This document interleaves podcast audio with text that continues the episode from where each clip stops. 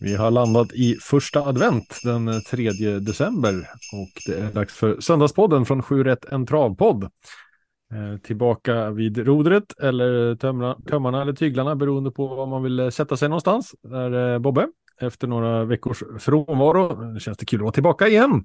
Och med mig har jag en eh, härlig gäst i form av Jonas. Jajamän, här är jag. Hallå, hallå.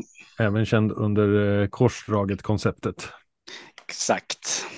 Och eh, med pannlampa och eh, hovslageriutrustning från stallet, Oskar Svanberg. Hallå! Jag är strax klar. Jag hade en Ares som ska gå rätt så viktigt jobb imorgon inför potentiell start på GS75. Hade lite ont i en tass, jag var tvungen att fixa till det, men nu är vi alldeles strax klara.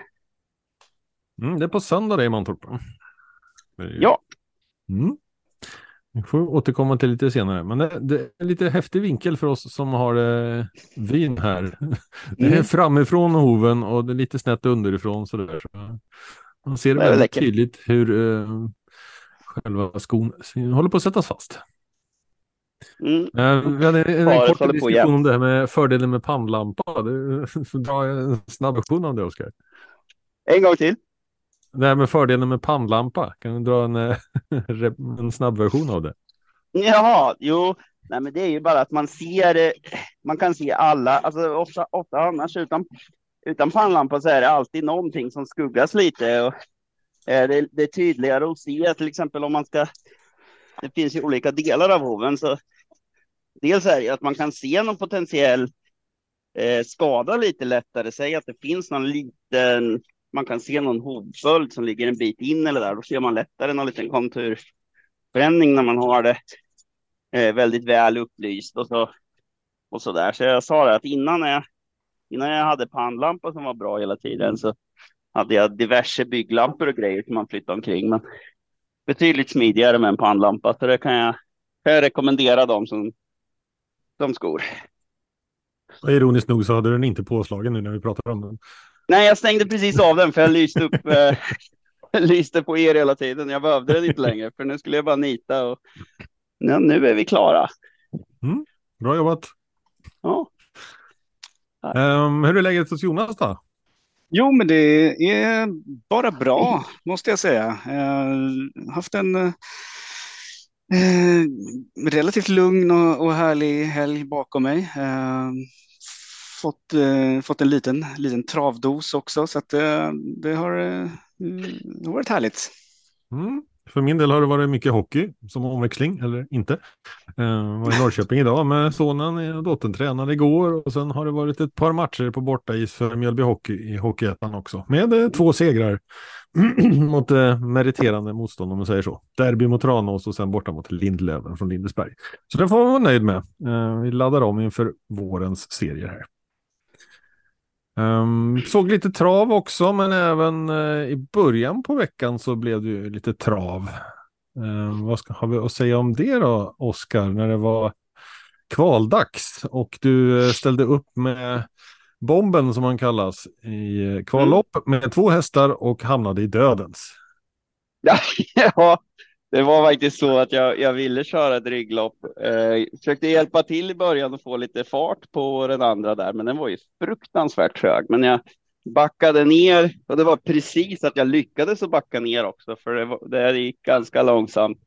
Men vi var väl bara i, i rygg i, ja vad kan det ha varit då, 600-700 meter eller något, men varvar väl på 25, så då fick jag ju kliva upp och försökte att köra så att vi var tillsammans, men eh, Nah, den andra kunde inte hänga med, så då brakade vi iväg och gick 17 sista varvet på ganska bra sätt måste vi säga. Är det mm, mainstream kid du pratar om? Vad sa du? Är det mainstream kid du pratar om? Nej. Eh, min häst var Bombardier Manos som kvalade. Ah, Okej, okay. okay. du, kör, du kör en annan där. Just det. Mm. Ja, utanför spelet. Eh, inte med och deläger så var det stora intresset såklart. Mm. Ja, det var, väl, eh, det var väl dagens höjdpunkt. Jag tror inte vi behöver prata så mycket om något mer faktiskt. vi censurerar den biten. Ja. Den kan ta ja, nej, den är, den är Bobbe med och deläger. Det har väl varit lite svårt att berätta allt om den hästen, så att, eh, men eh, det kan vi ta vid, vid, ett annat, vid ett annat tillfälle. Men det är, eller vi kan väl lika gärna dra det nu. Det går att klippa bort om det är så. Den, det var ju så, jag tror jag nämnt det förut, va? det är ju samma ägargäng som ägde Jori Boko som, som Kim har som licenshäst nu. Och eh, eh, honom har ju jag fått upp och har honom tillsammans med Magnus Grandin och ja, min fru Anna. Då. Och då sparade vi på honom. Han var min mest lovande tvååring och så tyckte vi misstänkte ju att Jori skulle ha nått sitt max där förra året.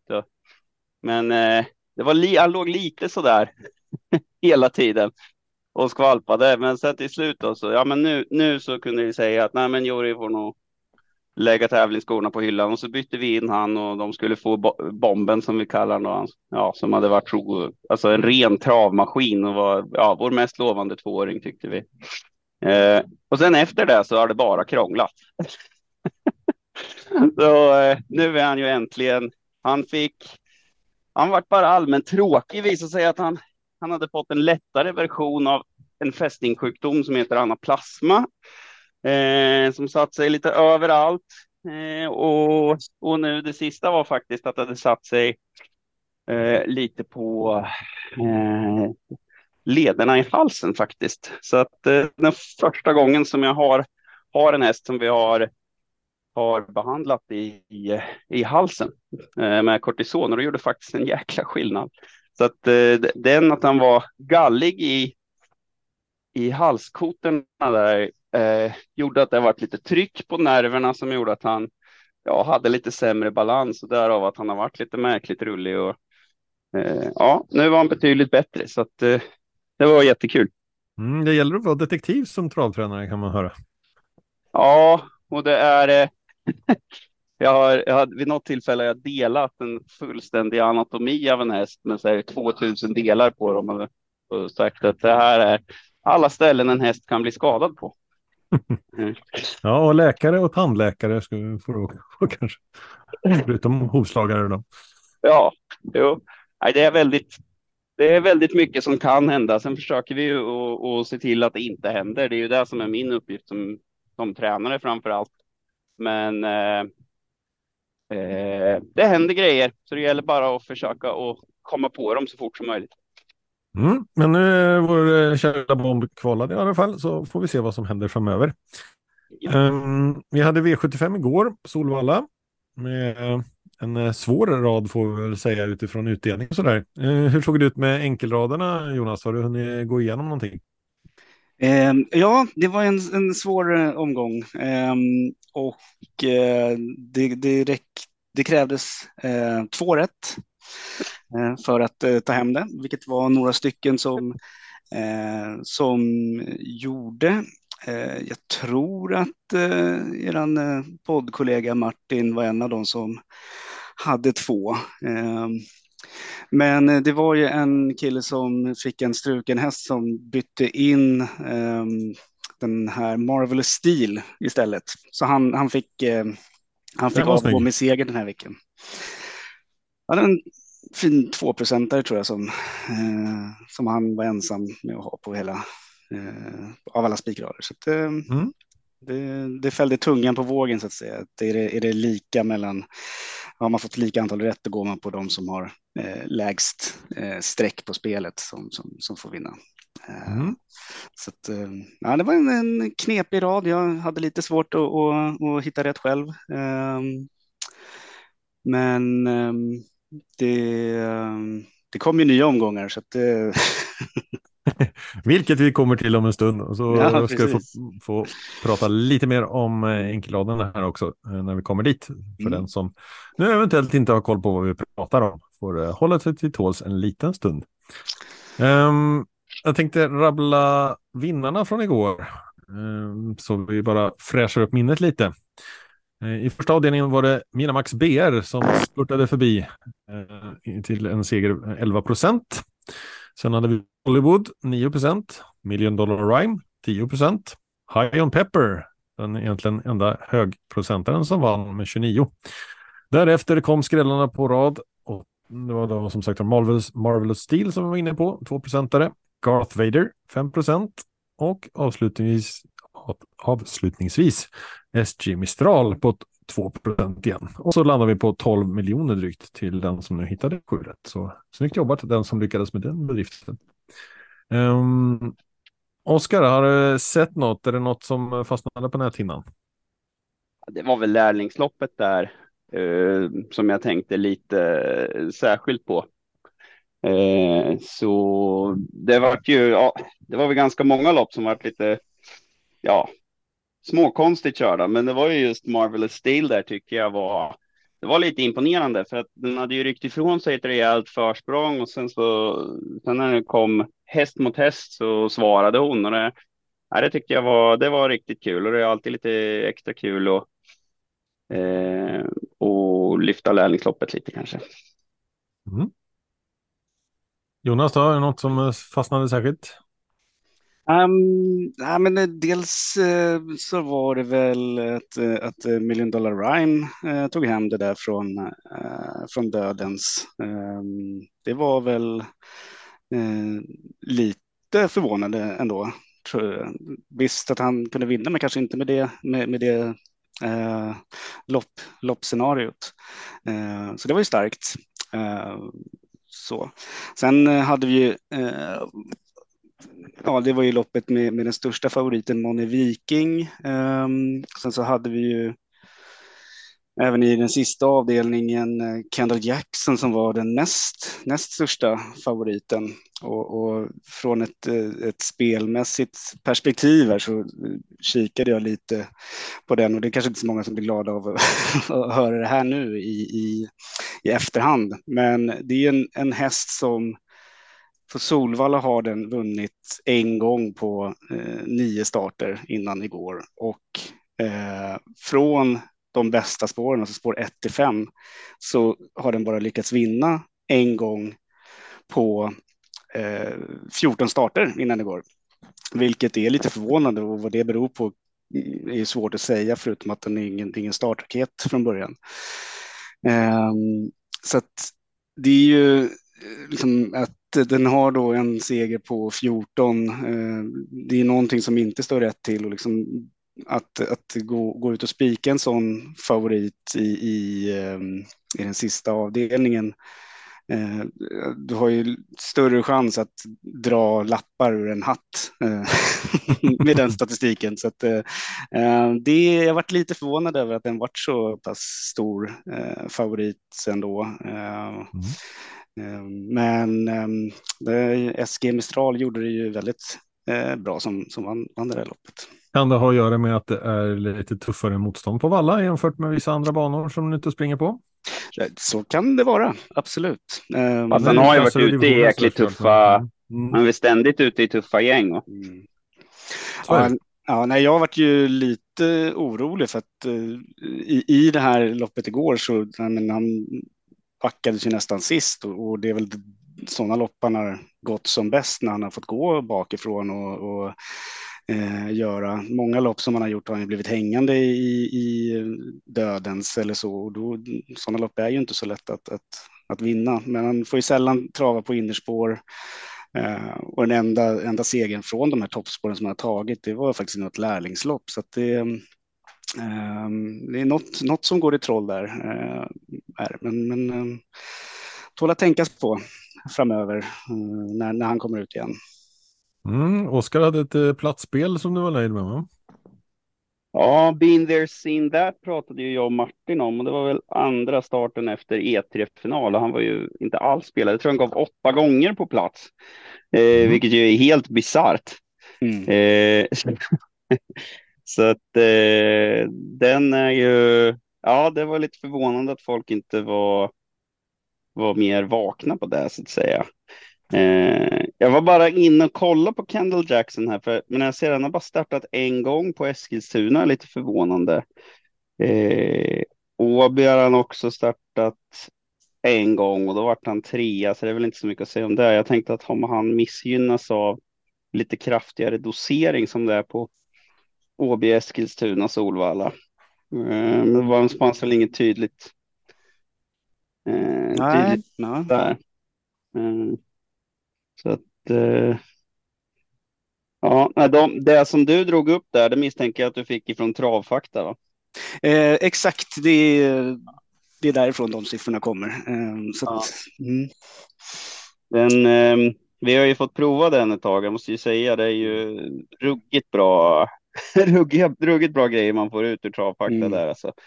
Eh, men eh, det är ganska dyrt för närvarande, men de, de har något snack om att i sommar eller något kanske det kunde komma någonting som kunde vara lite lämpligare för oss vanliga så att mm. säga. Det är väl mest inriktat mot eh, professionella tipstidningar och sånt där nu. Mm. Ehm, ja, precis. det stämmer. Det är ju eh, ett, eh, ett superbra komplement eh, att ta till ehm, om man går i, i spiktankar. Nu såg jag ju själv och liksom hittade att Mark Elias aldrig har vunnit i voltstart på Solvalla med de här under någonsin tror jag. Så att, ehm, och ändå gick jag och spikade en av hans hästar. Eh, så eh, det är ju... Mm. det alltid... I det fallet var det i alla fall inte voltstarten som sabbade. Nej, det, det, det var det faktiskt inte. För, det, faktiskt. Nej, exakt. Så att, um... Det var en del diskussioner kring beteende, eller taktiken sista halvvarvet, men verkligen mm. för voltstarten var ju klockren. Han satt ju i spets efter några Vi... meter. Mm. Ja, det loppet ja. ja, ja. Okay. jag hade inte koll vilken för han körde även Ferrari Sisu. Jag tänkte den kan jag inte. tänker Jim Baranzon tänker jag på. Ja, just det. Det var, ja. väldigt mycket snack, snack om eh, voltstart och galopp och ditten och datten, men den var ju klockren från mm. start. Mm. Ja, nu var det något, något, något, annat sådär. Men det, är ändå, det finns ju ändå någonting med, med sådana här, såna här siffror som man kan eh, luta sig mot. Sen kanske man eh, inte ska göra som jag eh, och vara så drastisk att man Eh, på en av, av sina kuponger faktiskt eh, steker Kendall Jackson helt. Det kanske är lite, lite väl drastiskt, men, men, men att man i alla fall inte eh, spikar eller om man vill ha eh, andra liksom, delar eh, som kan tala för eller emot om, man, om det är någon häst som man, man är lite tveksam på. Mm. Något annat från veckan som har gått som ni känner att ni vill prata om på något sätt? Um... Det borde det ju vara. Eh, men uh, den här lilla förberedelsen jag skulle göra, den, uh, den ställde jag mig och tittade på en hov istället. Ja, vi, vi, har ju faktiskt tänkt lite innan här. Så det, vi har ett ja. antal saker, men mer så här, något som har hänt på något sätt eller sådär. Mm. Det borde ju vara det, men... Um... det var en, eh, en vecka i våra liv. Ja, ja. uh... det, det som har varit kul för mig är att jag tagit hem eh, tagit hem ettåringarna. Eh, bland annat, eh, det gjorde jag en video som jag skulle lägga ut på eh, sociala medier, men det gjorde jag aldrig. Eh, vi tog hem eh, Platin Dian Värn som vi ska göra eh, som kommer att vara en andelshäst hos ASAP KB och det var ju faktiskt, jag har faktiskt inte sett henne förut utan jag har ju bara sett henne på bild och eh, Marcus Lindgren var det ju som, eh, som gick igenom henne live då. Och ja, hon var lika fin som på eh, bilderna och eh, fantastiskt fin, eh, fina kotben framför allt på henne. Ja, jättekul att se henne. Eh, då har vi Playing with Fire också som eh, också ser eh, riktigt fin ut och eh, Katalaya. Så vi har tre stycken ston, det är de enda ettåringarna som vi har i år. Ska vi eh, snacka lite allmänt trav då? Um, när vi nu är inne på det, vi hade Kim som en eh, snabbgäst i podden och kikade in eh, bakom här och sa hej eh, i början när vi snackade upp.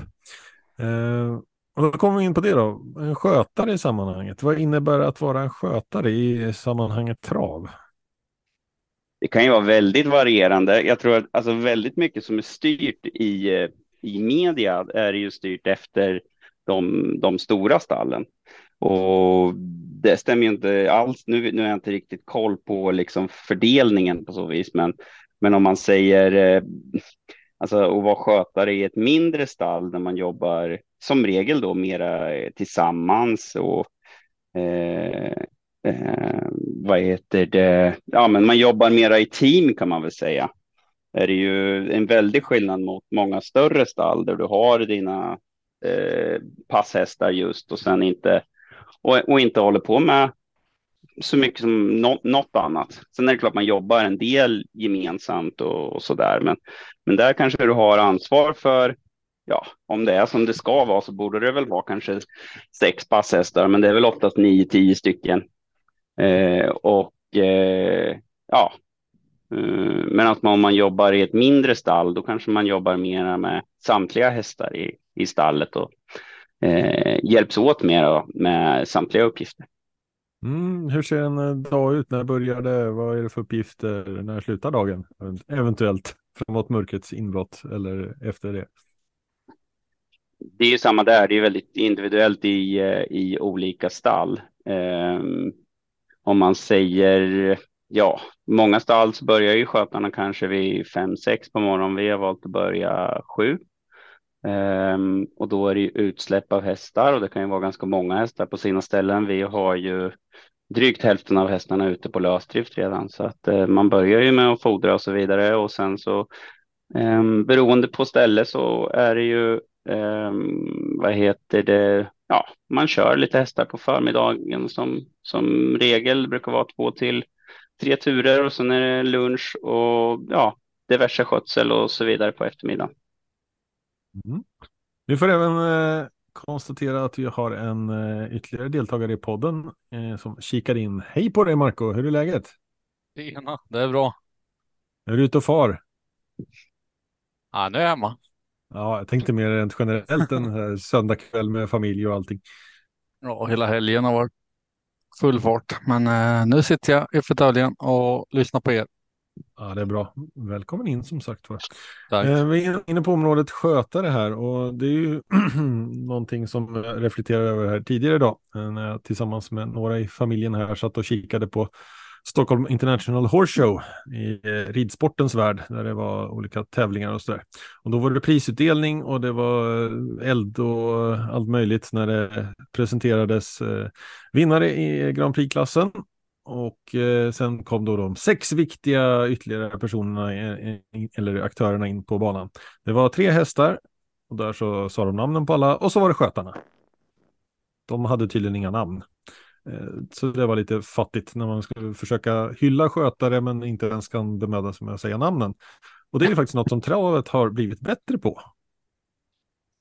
Eh, det har väl eh, inte minst Oskar då, mer, mer som bakgrund kring och sådär. Men det, det, är ändå någonting som har blivit bättre. Man, man tjatar ju rätt mycket om skötarna. Sen ligger man ju som sagt lite efter i det. Eh, för det är ju så att jag, när en häst vinner så har jag velat få skriva in eh, de, vi som jobbar i stallet helt enkelt. För jag säger, vi jobbar ju i team, men nej, men då får man Nej, man får bara skriva in en person. Så det mejlade jag faktiskt ST om tidigare idag här. Att eh, det borde man väl kunna göra en ändring på. Eh, måldomaren sa ifrån när jag bett om det. Så jag hade väl någon fundering på att annars eh, döpa det till ja, de kunde fått heta typ Anna Kimson eller någonting sånt där bara för att bara hitta på ett namn. För skötarna har ju faktiskt inga licenser utan då kan man, där skriver man ju bara in manuellt. Eh, jag tycker det är väldigt märkligt för det är liksom, det är ju inte så att det är unikt utan det är ju bara att alltså mindre stall eller där man jobbar i team då, ja men då skriver man, man skriver in någon bara. Eh, så att, eh, och så, så har vi ju gjort hittills. Sen brukar man ju ha ofta att någon person har kanske huvudansvar för en viss häst, men det blir ju lite taskigt för det som skötare är en ganska viktig grej. Alltså just att vara med i resultatlistan där. Eh, så att eh, det tycker jag nog att man får. Det får man faktiskt ändra på. Jag vet inte riktigt hur man ska hur man ska göra det, men eh, media och så vill ju gärna fokusera på på en. Men när det är ett, när man jobbar i team och det är ett team bakom, då då får man väl visa det, även om det är mycket smidigare och mycket roligare för de som intervjuar när det är en person att fokusera på. Men så lätt är inte livet alla gånger. Men så är det i andra sporter hyllar man ju hyllar man ju hela teamet, inte bara den som vinner. Liksom. Nej, men man är nog liksom lite låst vid att, att man, man följer det som det är för, eh, ja, som det är i de stora stallen. Ja, men äh, är, är det en lagsport? det är lite åt det hållet nästan. Vad sa du?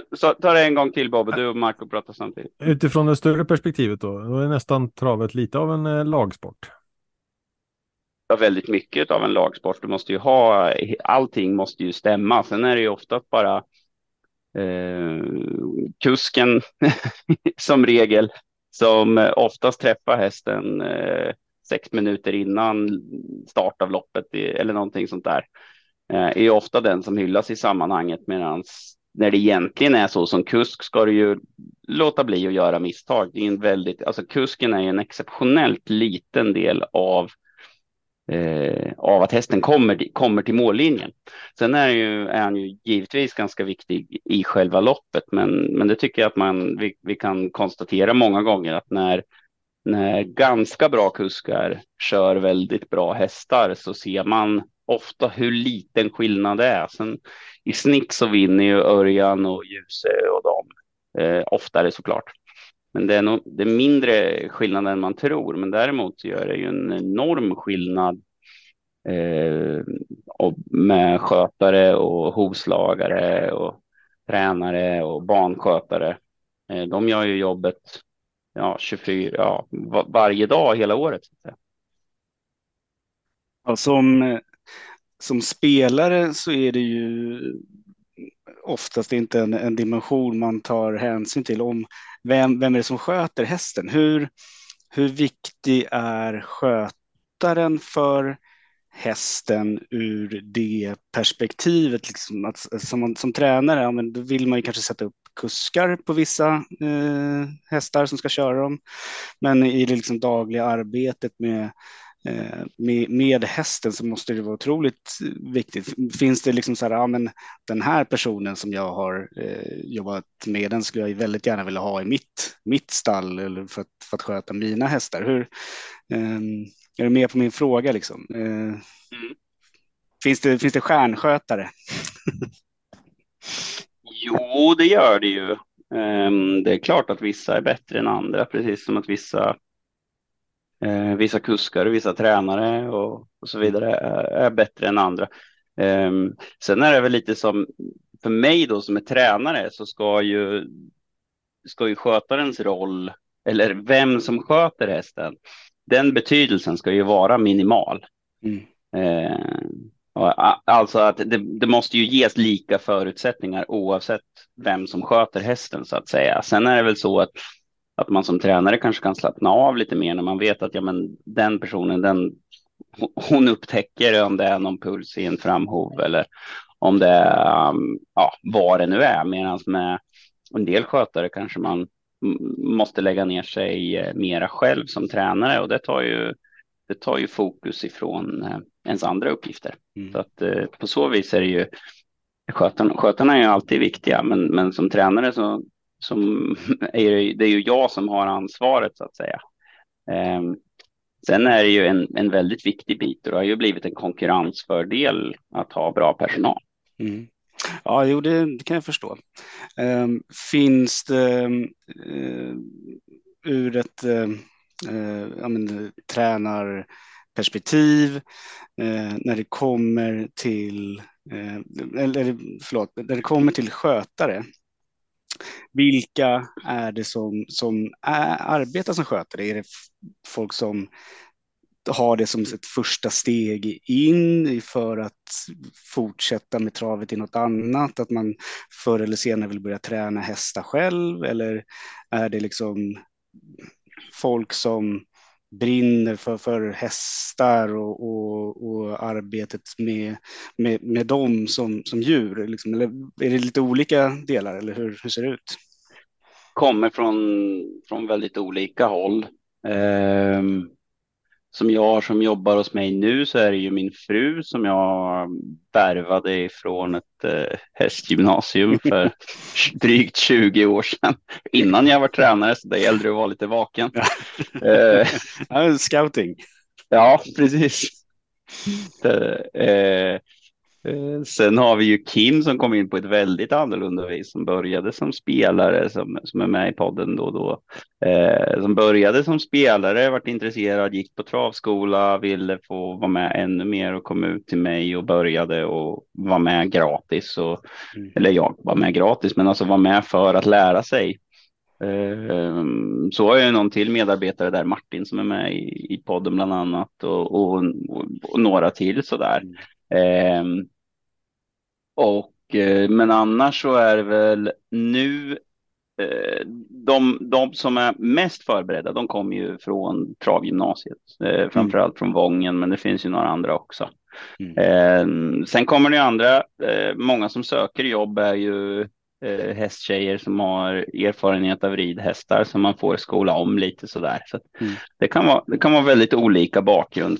Det man kan se som är en väldigt stor skillnad är att alla killar som jobbar som hästskötare, eller alla kan jag inte säga, men 90 procent, de jobbar ju som lärlingar. De vill lära sig att träna häst, att, att få köra lopp och så vidare för att nå framgång. Medans, eh, och för man tycker att det är så himla konstigt att det nästan bara är manliga tränare och kuskar, men det, det är inte så konstigt för att eh, de flesta tjejer som kör lopp, de har liksom ja, men de, har, de har mera börjat med det som en bonus. De, de jobbar ofta som hästskötare för just för att vara hästskötare. Medan alla killar är lite sådär, men man, man jobbar med det för att bli framgångsrik. Man vill lära sig så mycket som möjligt för att ha en professionell eh, karriär. Man drömmer om att bli proffstränare helt enkelt. Mm. Om jag då skulle vilja ta upp min 25 år gamla dröm om att börja hålla på med, med trav och utan att ha något, liksom, någon form av eh, erfarenhet av hästar. Ehm, när jag var i 15-årsåldern så funderade jag faktiskt på okay, vad kan jag göra, finns det någon skola jag kan söka till? Men det vart ju aldrig eh, mm. mer än så. Men eh, om jag skulle nu vilja börja, vilken är den bästa vägen? Ska jag söka mig in till en skola eller ska jag söka mig in till en tränare och söka jobb, bli skötare eller passa upp? Eller hur skulle man gå tillväga? Det, nu för tiden finns det ju rätt så hyfsade travskolor um, och det är väl ingen dålig väg att börja och börja där. Där tar de sig ju tid att lära dig grunderna Eh, tror de flesta tar nog gärna emot det i viss utsträckning i, i travstall. Eh, jag har ju som sagt några medhjälpare som har, har börjat så. Eh, sen har de ju, men, men både Kim och Martin där, de, de började ju på travskolan i Mantorp. Får man rikta lite kritik åt det hållet så har de varit ganska dåliga på att hjälpa folk ut i, stallen sen. Eh, utan eh, den kontakten har ju de tagit med, med mig själva i bägge de fallen och några andra fall också, folk som har hört av sig så att de vill komma ut och ta, ta nästa steg efter att ha gått på travskolan ett tag. Så att har man en travskola i närheten eller man hittar någon sån ja, men enkel kurs som man inte hållit på med hästar alls, då tycker jag att det är en väldigt bra grej att göra så att man får de här baskunskaperna. Då är det mycket lättare sen om man kommer ut i ett, eh, i ett stall. Eh, man kan lära sig liksom lite säkerhetstänk, lite basic hur man selar och så vidare. Eh, det är inte alltid folk har liksom tid att, och lära ut allting sånt, men eh, men liksom om man bara kan tänka sig att komma på sin fritid utan ersättning då till att börja med och bara få vara med och hjälpa till och köra och så där så är det ett väldigt bra sätt att, att lära sig eh, yrket. Alltså, även om man kommer från ett, ett eh, hästgymnasium så brukar det ändå vara en bra stund som man måste Eh, måste jobba innan man liksom har lärt sig yrket ordentligt. Så jag tycker väl alltid att det, det är en vettig väg att gå och mm. jag tycker sådana som jag och de flesta andra tränare så där är väldigt öppna för att komma bara man bara det inte liksom är rent farligt och att ha en på plats. Mm. det som är viktigt är att man är lite öppen med vad man egentligen kan. Ja. Eh, det som blir farligt är ju de som ljuger och påstår att de kan mycket mer än vad de egentligen gör. Mm. Då, det, alltså, det är ju ganska stora krafter vi har att jobba med och det kan bli skitdåligt. mm. Kan eh, bara flika in, jag, jag har ju gått eh, två år på Mantorps travskola och eh, fått lära mig grunderna och det kan varmt rekommenderas till den som är intresserad att gå en sån väg också. Det finns ju ett antal runt om i Sverige eh, och nu har de ju i det fallet även breddat sig och heter numera Mantorp hästskola eh, i eh, samma anda som Mantorp Hästsport Arena med breddning. Men nu Marco, har du suttit en kvart och, och väntat på att få komma in? Eller? Välkommen till Söndagspodden. Mm, tack. Till Oskar. Djur överlag och hästar med antar jag väldigt, eh, att de bygger relationer med, med skötare och sådär med. Liksom. Är, är det så de kan fa favorisera en skötare så att de vill ha den en viss person som kommer in liksom för att bli lugn och, och sådär eller hur? Att, att hästarna föredrar en viss person? Ja, att de bygger en relation så kanske de favoriserar en viss eh, skötare liksom. Eh, ja, det, det, finns det ju. Det finns ju vissa fall som man har märkt en del hästar helt plötsligt blir lugnare när någon skötare som var kanske lite stressad eh, av sig slutade. Eh, så på så vis kan man ju se det. Eller när man har fått till en eh, arbetsplatsen på ett bättre sätt. Eh, så märker man att alla hästar varit lugnare. Så att hur skötaren mår påverkar ju väldigt mycket. Ja, jag tänker eh, tävlingar och, och sånt, liksom, är, är det viktigt att med sig den skötaren som har bäst relation med, med hästen liksom, för att få den lugn och, och gå ner nej. i puls och sånt där inför tävlingen? Liksom. Nej. nej. väldigt tråkigt. Jag kände där att ja, jag borde svara ja på den här frågan. men, ja, men då, då sticker jag in istället med en reflektion härifrån då, eh, som eh, hästägaren sedan många år i lilla skalan. Eh, vi har, för ett par år sedan hade vi två stycken olika grabbar eh, som den ena kunde jag hur lätt som helst fånga i hagen och ta in. Men den andra kunde jag inte få tag på. För min fru var det exakt tvärtom. Så mm. där var det verkligen så här personlighetskombination att vi gick inte ihop eller jättebra ihop. Så, så visst är de personligheter på det sättet. Sen är ju tävlingen en annan sak, men liksom, visst, de är individer.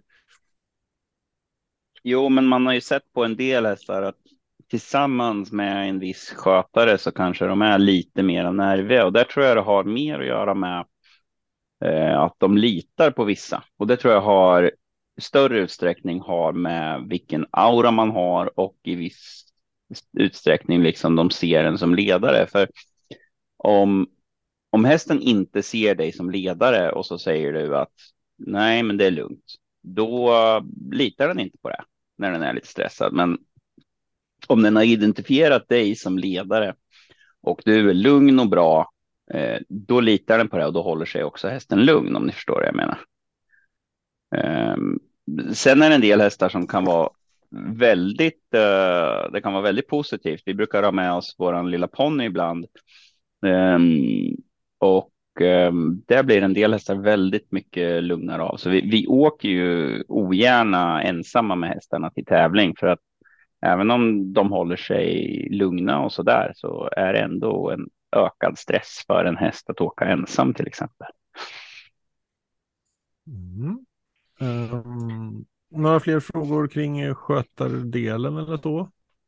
Känns som vi har diskuterat det på ett bra sätt. Om, om någon mer har fler frågor kring det så var faktiskt backup-plan idag om det skulle bli så att vi bara var två stycken igen så sa min fru att hon kunde hoppa in och prata lite mer om eh, hur det är att vara skötare. Det var ju 20 år sedan som eh, nästan, nej inte riktigt, men 16 i alla fall. Eh, vad heter det? Nu kommer en lista här från min fru, fru på hästar som har föredragit henne. Hon har hört vad vi har pratat om, men det kan vi ju ta i i det avsnittet. Men så att eh, skötarna är väldigt viktiga. Sen tycker väl jag kanske inte att de, de eh, att, att liksom att det är klart att det är bandet är viktigt, men, men jag har ju klivit in och, och selat ut hästar och så vidare. Så, så sån är min åsikt. Men det kan vara intressant att, att höra min frus åsikt. Så någon gång eh, framgent så, så eh, kommer vi ha skötare med och det kan ju, kan ju vara så att vi har någon annan än en annan med, med någon gång också. Eh, så kom jättegärna med frågor som är kanske specifikt riktade till, till en professionell eh, skötare. Och mm. um, sen kan vi gärna, vi har, vi har, vi har ju haft med någon duktig amatör någon gång också. Det kan ju vara lite intressant att höra hur de jobbar, för det är ju en helt annan grej när man ska Alltså, visst, jag jobbar jättemycket som vi brukar konstatera i och med att jag ofta jobbar när vi börjar att spela in vid åtta hugget. Men eh, amatörer, de har ju oftast ett, ett, vanligt jobb och sen kommer de hem efter det och då ska de ta hand om hästarna och flera av dem har ju faktiskt eh, ganska många hästar. Jag förstår inte hur de, hur de hinner med det. Jag tror att om vi räknar på totala uh, mängden uh, arbetstimmar vi betalar ut här, då brukar vi, jag tror att vi räknar som sex häst, fem till sex hästar som ett heltidsjobb. Uh, och det är ju faktiskt många amatörer som, som ligger på den nivån och då, ja, det är imponerande måste man ju säga. Kanske bör hitta ett bättre ord än amatör i sammanhanget om man ska vara lite insiktsfull. Inte riktigt, riktigt rätt klang i det sådär. Nej, men det är väl så att man från början var ju inte amatören något negativt. Det är ju egentligen någon som inte jobbar professionellt med det. Mm, precis, eh, samhället är på ett annat sätt. Ja, precis. Men det kunde ju vara liksom olympisk mästare i amatörboxning. Liksom, det är ju ingen som skulle säga att, att den som är olympisk mästare eh, i amatörboxning när det, det var det för 20-30 år sedan, att, att den där killen har inte koll på grejerna. Då skulle man ju få stryk dessutom. Bra kombination. Um, du som har frågor, funderingar, tankar, hör gärna av dig och då kan du kika in på hemsidan sjurattpodden.se och under delen kontakt där finns det både e-postadress och eh, länk till X och Facebook för uh, dig som vill höra av dig. Eller direkt givetvis till uh, Oskar Svanberg. Nej, att Svanberg Oskar är va? Ja, det är det. Mm. Eh, eller på annat sätt hör av dig eh, med frågor och funderingar. Så kan vi ta med det i kommande avsnitt. Eller bättre bara ringa till Oskar direkt. Ja, då kommer du aldrig därifrån. Nej, precis. Dels, dels är det inte alltid jag tid att svara och om jag svarar så kommer du inte loss. Bra. Um, en liten reflektion som jag, på ett helt annat spår här, som jag ändå tittade på när vi kollade på Solvalla V75 igår. Ehm, det var sju olika tränare som eh, vann de olika loppen, eller avdelningarna. Men det var bara en kusk som vann två gånger. Och vem var det? Jo, Jorma Kontio, 70 år, still going strong. Eh, det är ruskigt imponerande måste jag säga. Eh, hur länge kommer du att köra, Oskar? Det är väl inte omöjligt att jag kör tills jag är 70 om vi har, om vi har travsport kvar så länge. Eh, det, är, det är väl rätt roligt, Men eh, Jorma är en otroligt imponerande person på jättemånga vis, inte bara som, som kusk och att han fortfarande kan hålla på så länge. Han har ju liksom varit en av världens bästa kuskar Ja, det har väl aldrig känts som att han har backat eller på i 50 år. Hålla sig på, på den jämna nivån hela tiden. Och alltid glad och positiv. Det är aldrig liksom som han är sur heller och enormt, eh, eh, vad ska man säga, omtänksam. Eh, nej, men riktigt bra, riktigt bra människa, hästkarin. Mm. Talade om igår, eh, Oskarsåre V75 igår. Ja. Jag brukar alltid klaga och du, du kan förklara på ett pedagogiskt sätt så jag förstår. Mm. Men i avdelning ett där, i en barazon, varför kör han inte mot den som ligger i ryggen liksom? Var, varför drar han på så tidigt och, och släpper ut eh, mera max där? Var det nog att hästen varit lite het va? Var det inte så? Eller minns jag loppet fel? Annars så brukar det ju vara att man är mer rädd för någon som kommer eh, längre bakifrån. Men i, i, det här fallet så tror jag det var att han varit lite het och där är det lite olika hur. Förr så tror jag att man, för, alltså då försökte kuskarna nästan alltid att liksom lugna hästarna i större utsträckning än vad man gör idag. Men grejen är att det, det, man tar ganska mycket energi av hästen. Och sen ja, det kan ju rent vara farligt om man drar ihop dem för mycket så kan det bli att de får svårt att andas till och med liksom. Men, och dessutom i en sväng, som i det här fallet, då kan det vara ännu knepigare kanske. Ja, nej men han, jag vet ju att han varit lite het. men Sen kommer jag inte ihåg loppet eh, exakt, men många gånger så rent, rent generellt så där så, så kan det ju vara också om man har en häst som inte är så, så speedig. Eh, då kan det ju vara lite korkat. Att, eh, jag tror att må, många gånger så, så håller man kanske igen lite för mycket och släpper på eh, de andra. Har man ett försprång så är det ibland bättre att bara dra 700 kvar eller någonting sånt där för att de andra inte ska kunna komma ikapp. För har man en häst som inte är så där tvärspidig, då kan det vara bättre att avgöra på styrka. Eh, så det finns ju väldigt mycket som, som spelar in. Eh, alltså man måste ju an, använda hästens egenskaper så att säga. Ja, han hade inte heller så mycket hjälp från eh, dödens hästen där. Windmill, Windmill Jam som, ah, som inte till riktigt, så bra heller. Nej, det fanns inte så mycket kräm kvar där. Så det... Men för en annan i soffan som aldrig kört det så sitter man bara, vad fan gör du alltså? Lugna ner dig nu. Ja, jo, det är klart. Nej, ibland ser det ut som att man sticker när det egentligen bara är att alla andra dör. Eller dör gör de ju inte, men de kroknar. Uh, nej, jag kommer inte ihåg. Uh, eller jo, jag kommer ihåg, men jag, jag såg bara sista 400 av det här loppet eller någonting sånt faktiskt. Jag hade missat det. Missade början. Uh, men så, så är det ju. Så är det generellt. Och så sticka undan så det gör ingenting om de rycker då. Om de har de där krafterna. Det var en jäkla insats alltså. Mm. Verkligen. Har ni några andra härliga ämnen som ni vill ta upp innan vi börjar titta framåt på veckan och lite så? Jag tycker det är kul att Miller Dollar Ryan fick vinna igen. Mm. Bara skit om att sträcka för mycket hästar i det loppet. du får lyssna på dina egna, egna tips eller hur det var. Ja. Ja, jo precis. Du hade sagt åt någon annan att spika och gjorde inte det själv. Va? Nej, men jag hade åkt av den 6 och 7 ändå så det hade kvittat. Jo, jo, men det är alltid lite kul ändå. men eh, nej, men det är jättesärskilt när han vinner från, eh, från dödens på det där viset. Det var väl hans hundrade start också. Mm, men då tittar vi lite på utbudet som vi har framför oss kommande vecka som är eh, den första hela veckan i december och det är fortsatt skotvång. Eller vad säger man? Det är skor på som gäller. Tvång kan man ju diskutera om det är rätt ord. Eh, måndag V64 Färjestad. Så är det samma spelform på Jägersro. Onsdag är det V86 Solvalla Bergsåker. Torsdag V64 Gävle. Fredag så är det V64 delat Boden och Kalmar. Norr och söder minst sagt. Lördag V75 Åby som vi återkommer till och på söndag då GS 75 Mantorp. Eh, då var det eventuellt eh, start då, Oskar. Mm. Några stycken. Mm. Har du någon eh, snabb planering där för oss att hålla lite koll?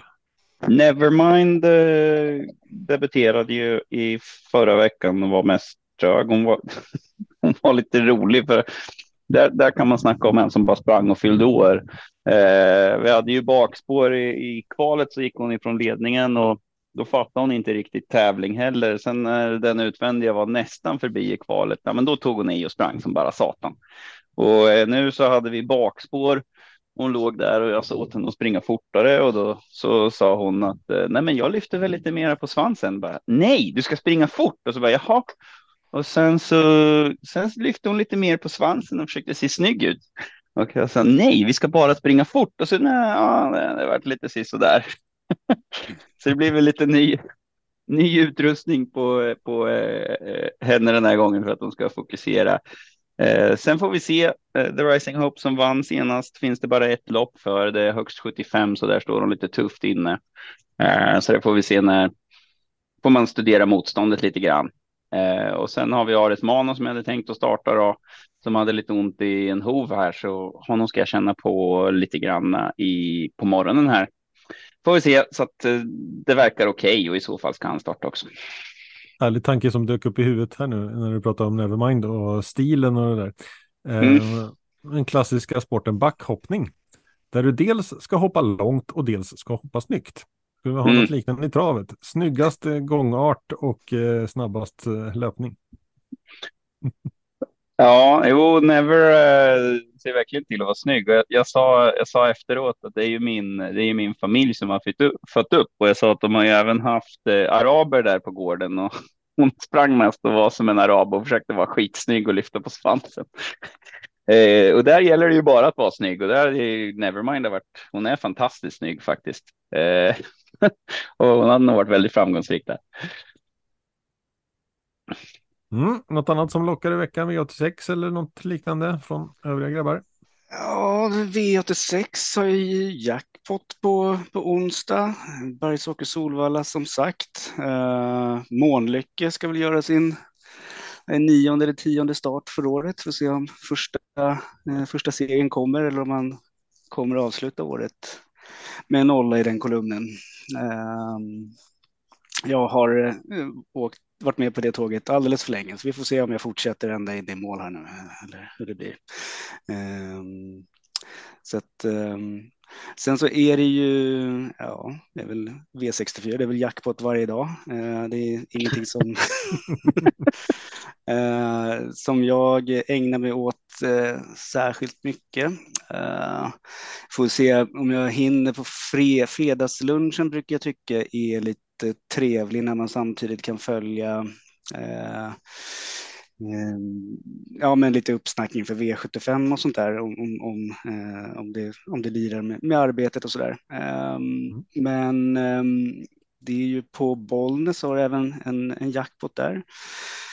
Sen så är det väl från och med imorgon också en nyhet inom spel, eh, framförallt andelsspel då, att, att eh, V4 eh, och eh, V65 tror jag att det är, eh, kommer nu rullas ut fullt ut på alla omgångar. Det har varit lite testomgångar här med butiksandelar på dem.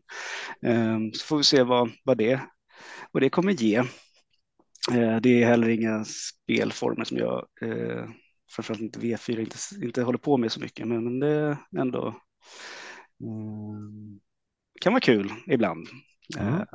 Så att, Annars så är det väl ja, V75 eh, på Åby som vi kommer till och eh, ja, GS75 är alltid roligt tycker jag. Eh, sen har jag inte all, alla gånger jag, jag, jag spelar till det, men, men Mantorp är ju roligt och om Oskar har med några hästar där så, så blir det en extra krydda tycker jag. Marco då? Något som du kikar på i veckan? Ja, det är lördag, söndag. Eh, men eh, först och främst är det väl Onesta avdelning 7 som jag tycker är, mest eh, rolig. Liksom. Med Nine Post Lasse, King of Yes, Feel the Benefit, Chitchat, Global Above All, Money Smile, Kalle Tacksam, Underbara Sofin. Eh, bra lopp. Bra, men ska vi då börja kika in lite mot lördagen och V75 på Åby. Ehm, men först då Jonas, Eh, det lite det vi håller på med här. Eh, första tanken, snabba tanken. Ja, och eh, först... ännu värre, en häst per avdelning. Berätta vad du håller på med för den som inte har koll.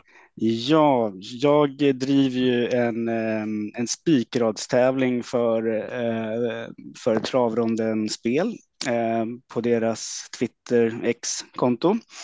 Eh, där vi varje söndag eh, startar en ny tävling inför helgens V75 och det här har vi hållit på med sedan den första januari. Så det har rullat hela, hela året faktiskt Ehm, med, eh, med det. Och eh, det är ganska enkelt. Man eh, tar och tittar på listorna. Man väljer ut den man tror kommer att vinna loppet eller vem man har feeling för beroende på lite grann vad man har för taktik. Och ehm, så sammanställer man de här raderna eller, eller deltar med sin spikrad då ehm, senast måndag kväll eh, sen kommer ett resultat på lördagen.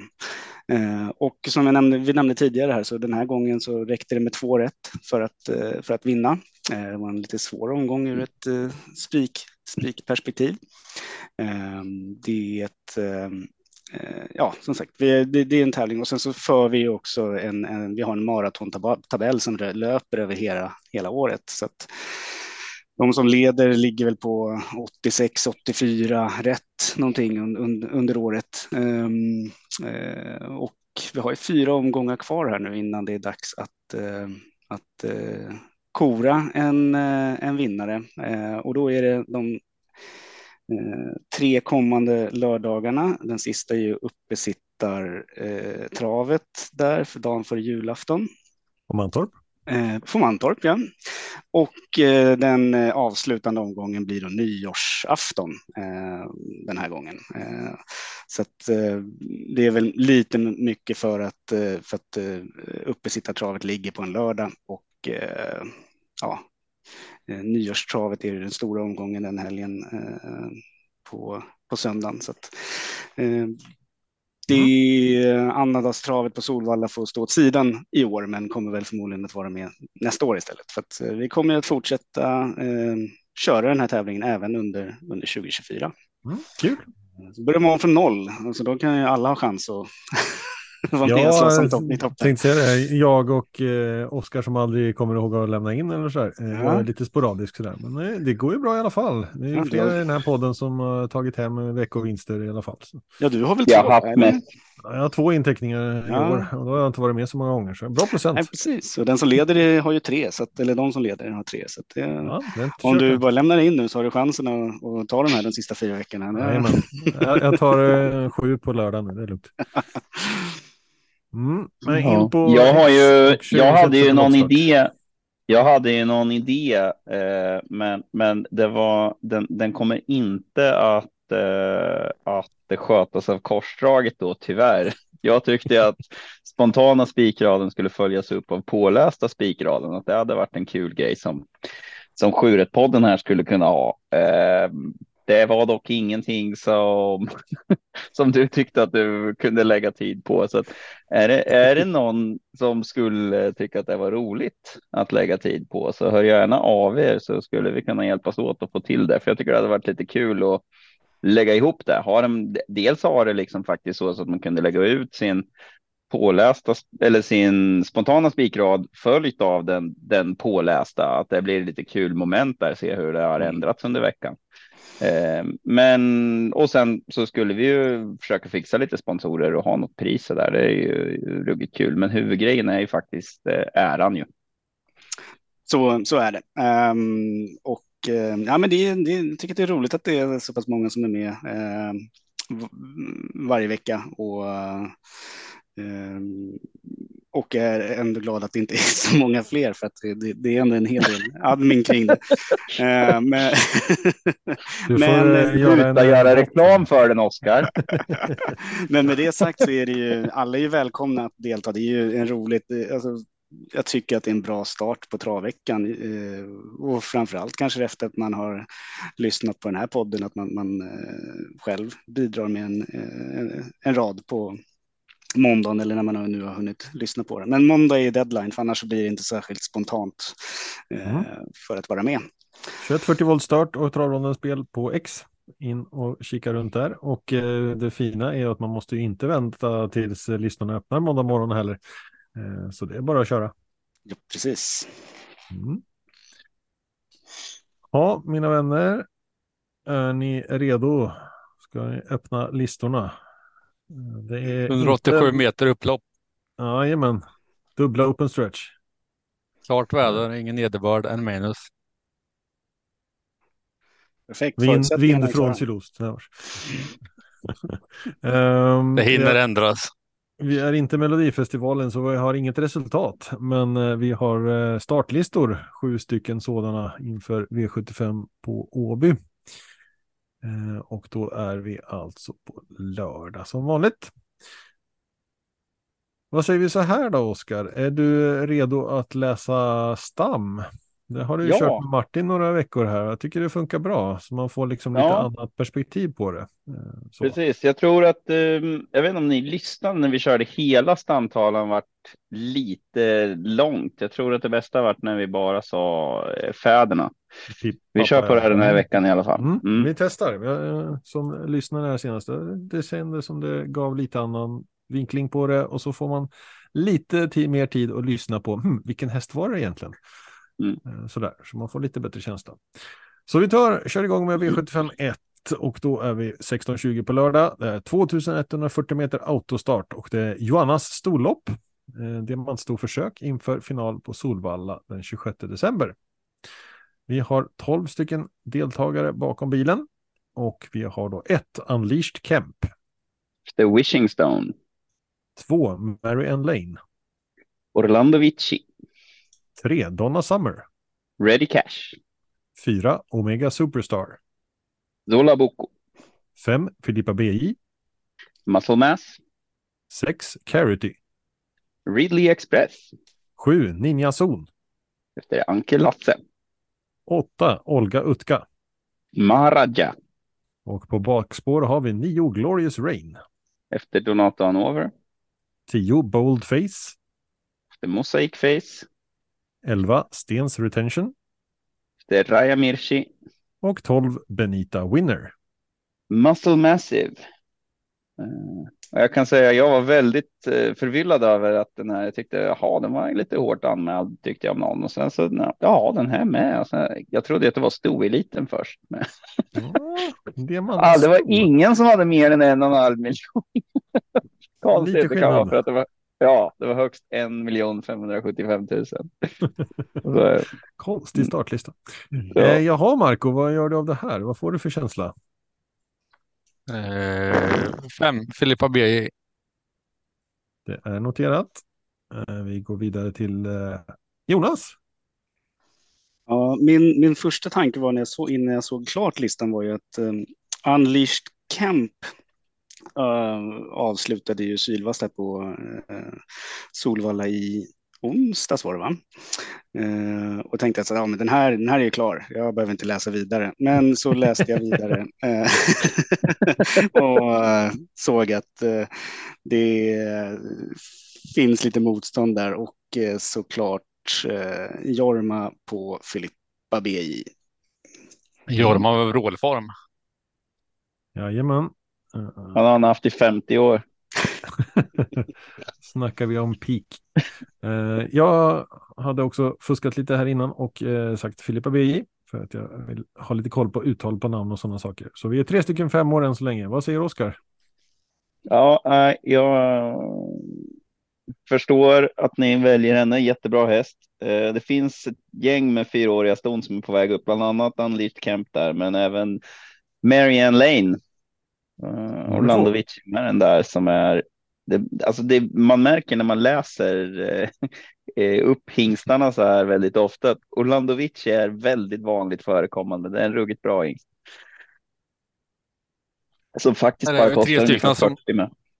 Det är väl tre stycken som lägger upp en poddspik för, för Oskar och han kan bara smasha in det, men nej. Nej, han ja, det är Bob, alltså ni brukar ignorera mig i alla fall, så det, och det brukar inte vara tre. Är vi, är vi fyra så, så är det nog ändå så att eh, jag tror nog att det är hyfsad chans att det där blir en, en poddspik. Men sen hatar ju jag också spik i första avdelningen, även om det är jättesmart ur ett spel, spelperspektiv. Ja, igår så spikade vi Jim Ranson i första, men vi hade ju faktiskt Binder Seen That som första reserv. Mm. Rätt. Så det, lyssnade på det, men det blev inte rätt i alla fall. Men det var det. eh, Nej, precis. Tanken som räknas ibland. Ja, men fint lopp. Uh, jag hoppas väl att Filippa BJ skulle kunna leverera för oss. Uh, så finns det fler att titta på såklart. Hon var ju ruggigt snabb, äh, snabb med Buffe där. Um, Jänkarvagn. Men nu är det Jorma, då blir det vanligt. Mm. Yes. Mm. Olga Utka har vi snackat om fram och tillbaka. Nu är det tufft spår, åtta. Ja. Ja, Jänkarvagn den här gången i alla fall. Ja, och hur är det med Olga Utka och skor? Eh, det kan vara något som är värt att titta upp också. Mm. Brukar väl inte vara en höjdare om jag minns helt rätt. Eh, Fleming kanske man ska nämna i alla fall här med eh, Glorious Rain om inte redan hade gjort det. Mm. Eh, men det är ett, ett, ett, bra, bra första lopp. Vågar man spika så kan man uh, ta grepp, men det är inte lätt. Uh, så för att man ska spika rätt också. um, vi går till V75 2. Och då har vi 2640 meter lång distans och voltstart med 12 stycken hästar. Den här gången tittar vi på klass 2. Det kan ju bli spännande i sammanhanget. Om vi nu tyckte första loppet var svårbedömt så tar vi oss an det här och börjar med ett Luca Barroso. Ursäkta, jag fastnade på att kolla upp Olga Utkas eh. Nej men Oskar, Hon gick ju väldigt mycket. Hon gick ju väldigt mycket med skor tidigt i karriären. Hon har i alla fall varit två och fyra på V75 eh, med skor, så helt dålig är hon nog inte. Nej, Ehm, bra att du faktakollar. ja, precis. Nej, men man har pratat om det så mycket, men jag har aldrig kollat upp det. Nu vart jag Nej, bara, men hur nej, är det egentligen? Ja. Ehm, Är du redo? I alla fall, Luca ja, Barroso, Propulsion, Akal Face nummer två. Jalliboko, Tre, Rustico.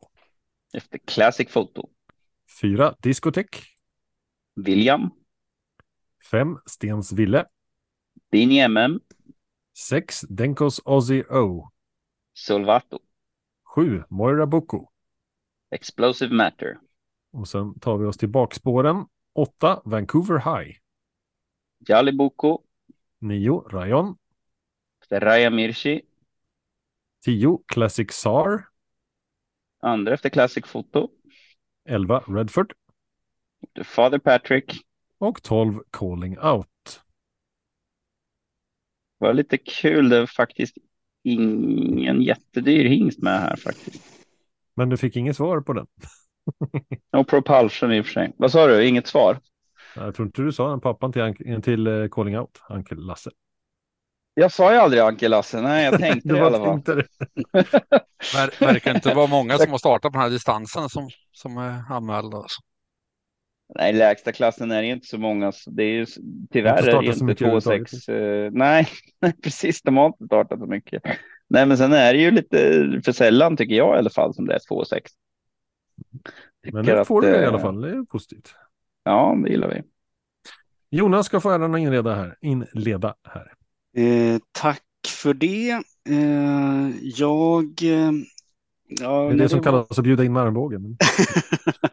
ja, precis. Eh, nej, men det är klart att eh, Luca Barroso ser intressant ut. Frågan är vad den, eh, hur den går i voltstart. Jag har inte riktigt hunnit kika på.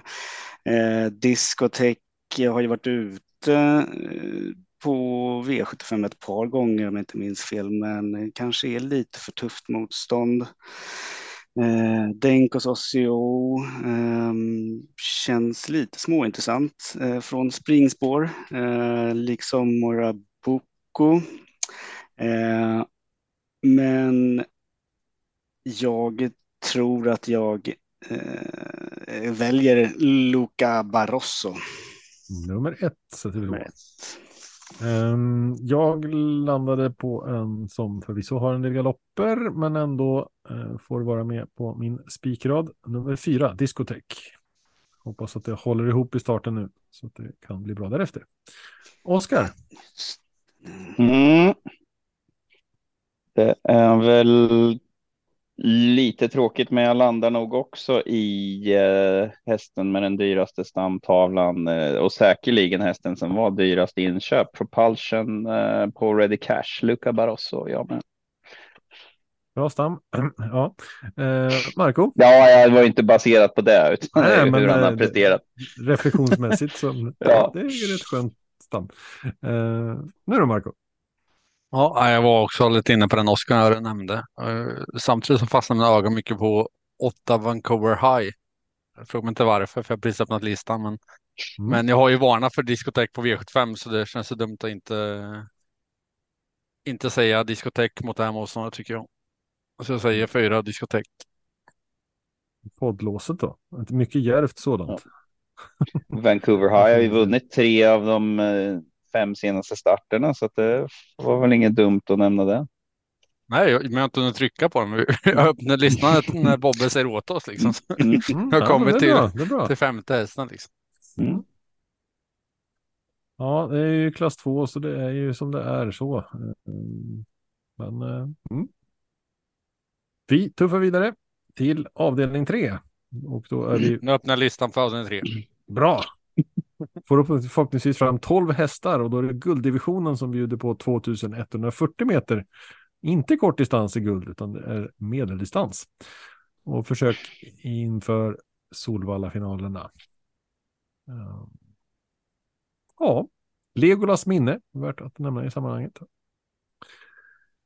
Då så Oskar, vad har du snöat in på nu eller är du redo för stam? Jag har faktiskt bytt till tredje avdelningen. Jag vet inte om det är Marco som ska säga att han öppnar tredje avdelning. Kanske är det viktigt att jag gör det. Vi har i varje fall på spår 1 Staro Leonardo. Make it happen. 2 Heart of Steel kommer ut igen. Cantab Hall. 3 Bear Time. Pastor Steven. 4 Emoji. Broadbarn. 5 Osterch. Cantab Hall. 6 Dexter Chateau. Unamor de Afour, tror jag. Good enough antar jag. Ja. 7 Ultion Face. Jokeface. 8 Stole the Show. Eh, Dream Vacation. 9 Sweet Man. Gift Kronos.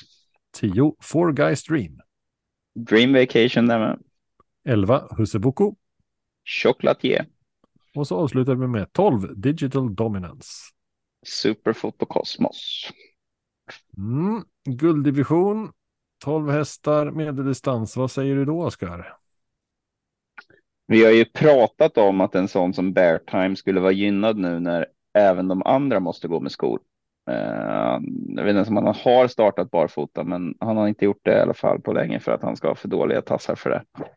Eh, och om jag inte minns fel så har han gått bra på Åby just faktiskt. Ja, han var väl två. Ja, han var ju två i SM för guds skull. Ja, så tre Bear Time. Mm. Marco? Ja, jag är också lite inne på den, men jag har ju Four Guys Dream som en eh, liten favorit. Eh, så när jag väljer på dem och, och Oskar säger Bear Time så blir det Four Guys Dream för mig. Nummer 10. Jonas? Um, ja, jag gillar ju båda de här alternativen som, som ni har nämnt, men så uh, som Altion Face öppnade senast och avslutade i ryggen på Four Guys Dream så väljer jag eh, sju Altion Face. Ehm, lite oklar hur, hur den går med skor, men det eh, tänker jag strunta i just, just för tillfället i alla fall. Mm. Ja, jag tänkte fråga, så tänkte jag, nej, det är söndag kväll. Ja. Hur lyder analysen? Ja. Um, jag är väl nästan löjligt enig tänkte jag säga, men ehm, jag hade ju Bear Time som eh, första häst förra helgen och jag hoppar väl av det tåget nu på, till förmån för Four Guys Dream, men det var de två jag velade mellan. Så en eh, tia för mig också. Och något annat som ni ville nämna är bakom? Eh, emoji till exempel, bra startspår 4. Chanslös. Jag skulle bara se om Oskar gjorde någon mail, men nej, han satt. Det är värsta Oskar vet när man säger så. Otroligt Där är det bra rad alltså. Tre, Fleming, två, jag, jag skrattar mest åt att Flem, Fleming kan man alltid säga chanslös på, man, men man vet aldrig. Eh, Man kan analysera hur mycket man vill, det blir som det blir. Vad, har, vad är det för vagn på den? Ser ni det? I, bara Amerikansk står det i alla fall. Amerikansk. Mm. Ehm. Oklart vad han har gått med sista tiden eftersom han var i Danmark. Så. Ja, får man... Det lyser ju inte rött, men jag vet inte om de bara. Nej, men de det är streck i tidigare lopp så. Jo, precis, precis. Men eh, jag vet inte om de har det registrerat utan att det är officiellt, men så borde det inte vara, utan de bara struntade i det där läget. Och, Mm. Och, nämnde ju eh, att eh, det är positivt för Beartime att gå med, att alla andra går eh, med skorna, men det har också Huseboko från spår 11 som alltid går med skor. Mm. Mm.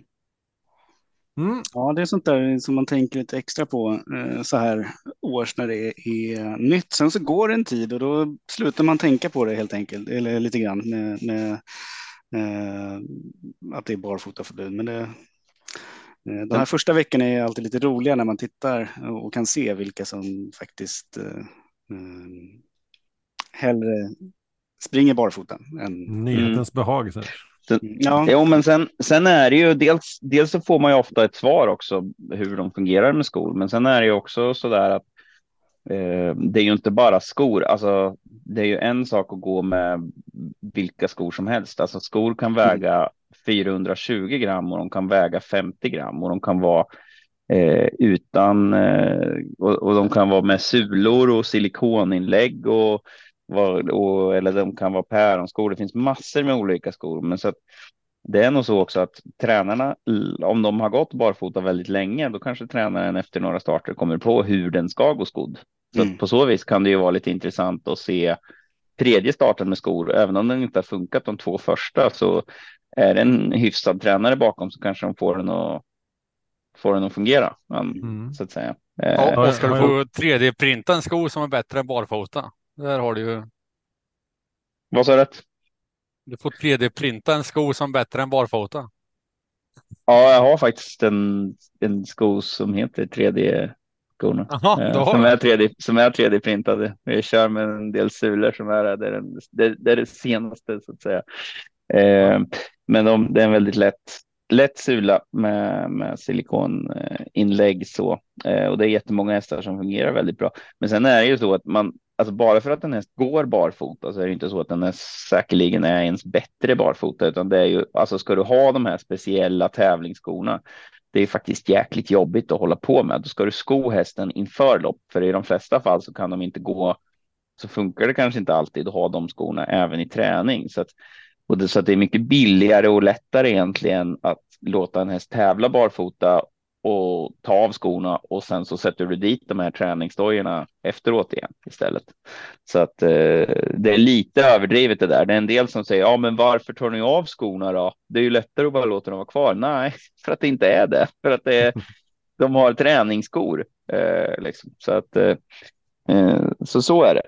Det är men det, det är svårt att se resultatlistan. De byter ju skor och tar loss skorna så fort de inte ska hoppa. Hur ofta måste du ska om en häst då, som bara går på gården hemma liksom? Eh, lite olika, dels beroende på årstid för att hovarna, eller ja, hovarna växer lite olika mycket. Eh, men säg var fjärde till var åttonde vecka ungefär. Tävlar de så blir det ju oftare för att ofta så måste du ha fräschare skor med, med bättre grepp i eller det kan vara nya förutsättningar eller ja, och så, eller jag går de barfota så måste man ju sko dem efteråt också. Men, Eh, ungefär så. Har jag förstått rätt om eh, begreppet sko dessutom är olika på sommar och vinterbana så att säga? Just utifrån skotvång. Ja, precis. Eh, det räknas som tåskor som, som täcker främre halvan eller främre tredjedelen av, av hoven enbart. Det räknas inte som det är inte tillräckligt bra skydd på vintern.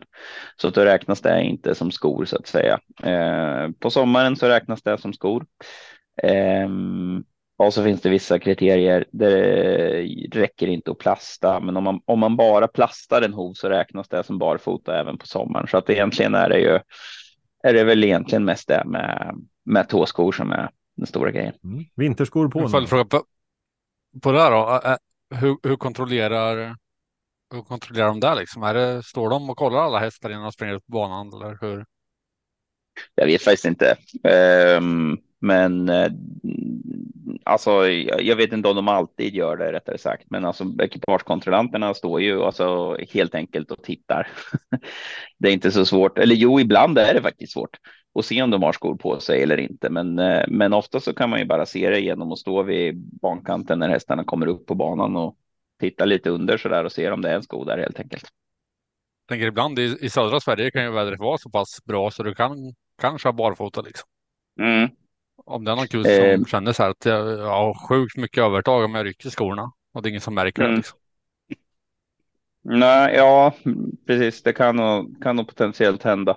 Men eh, det är just det där när det är de här gränsfall, bra förutsättningarna. Vädret ändras väldigt mycket så här år, så det var ju några fall ett tag där det var hästar som eh, som får illa lite av att gå barfota och så får det ju inte vara. Så att, jag tycker faktiskt det är ganska bra med barfotaförbudet numera. Jag var emot det först, men sen är det så att det är en chans för hästarna som annars går, eh, går barfota hela tiden att man kan verka dem på ett vettigt sätt. För grejen är den att för att du ska gå barfota, särskilt om du ska gå barfota ofta och mycket, då måste du ha ganska mycket hov. Och, och då så eh, växer de mest framför allt i tån och strålen kommer lite längre ifrån backen. Så det är inte något bra för hovfunktionen det här med att spara. Så att eh, som nu till exempel så verkade jag ner Janna ganska mycket igår Eh, och hon, henne har vi fått se till att hon har lite mera hov på hela tiden i och med att hon ska, ska gå barfota. Så att det är ganska bra för hästarna på så vis att man nu vet man liksom i tre månader så, så ska vi inte, ska, hon inte, ska de inte gå barfota så då, då kan man verka ner ordentligt. Mm. Bra, är vi redo för V75 4? Öppna listor, ta fram stammar, för då kommer vi till 2140 meter autostart och klass 1-försök inför återigen final Solvalla annandag jul. 12 hästar bakom en bil och då har vi ett hashtag Simoni. Återigen Orlando Vici. Två soundtrack. Ready Cash. Tre Needham. Propulsion. Fyra, fyra Star Rock Qantas. Resolve. Fem Myrsjös Timeout. Time to say goodbye. Sex Belgique. Brillantissime. Sju Massin. Support Justice. Åtta Jack's Journey. Nuncio. Nio Iconic. Maradja. Tio Global Delayed. SJ's Caviar. Elva Here's Johnny Socks. Old Eagle. Och 12 Global Bam Bautin. Jag trodde att du läste fel faktiskt, men han heter så. Broadway Hall. Inte Bautin, en gammal uh, Luleå hockeyback va? Ja, jo, men Bam Bautin. Ja, jo, den Ja. måste väl ha hetat Bam. Ja, ja. Ja. Då så, har vi en avdelning framför oss här. Vad säger Marco? Ja, när det är jag igen alltså. Ja, nu har vi tuffat igenom. Det är rättvist. Ja, jag väljer mellan två och det är ett hashtag Simoni eller fem Myrsjös timeout så här direkt.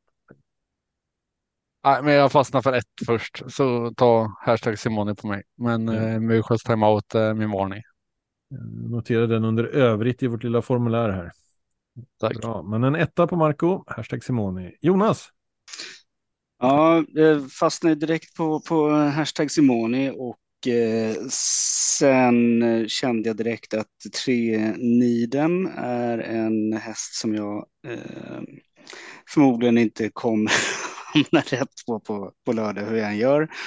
Eh, men sen så vette tusan här eh, hittade en annan häst som har varit ut, ser ut att ha varit ute i monté.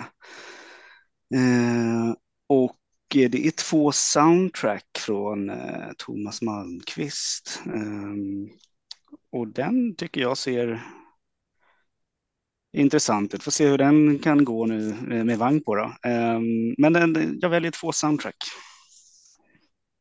en tvåa. Eh, då kan jag glädja dig i sammanhanget att jag har tre Nidem som min första spontana häst. Eh, på gott och ont får vi se om jag kommer rätt på den. Ja. Um, Oskar, Mm. Det måste varit fyraåringsmontén igår den vann va? Det var sista loppet igår. va? Mm. Eh, den soundtrack alltså. ja, just det. Just det. Mm. Eh, jo, jag var också första tanken var ju hashtag Simone efter en favorithingst och Vici, men jag har ju ytterligare en favorithingst som heter Brillantissim och eh, då är det sex Belgique som eh, dessutom har gått med skor hela tiden till skillnad från eh, hashtag Simone. Får vi se om André får till en riktigt bra racerbalans där då på på hashtag Simone, men jag väljer sex Belgique. Mm, jag var ju givetvis tvungen att snabbkolla mitt minne här och jag givetvis så är det Sergej Bautin, eh, en eh, tidigare hockeyback i Luleå. Han avled tyvärr för ett år sedan. Det har jag faktiskt Mhm. missat. Han kallades ju Bam Bam och där var Global Ja. Bam Bautin. Så vi får eh, skicka med en hyllande tanke till den gamla storbacken i Luleå Hockey. Rest in Ehm, peace. Ja, verkligen.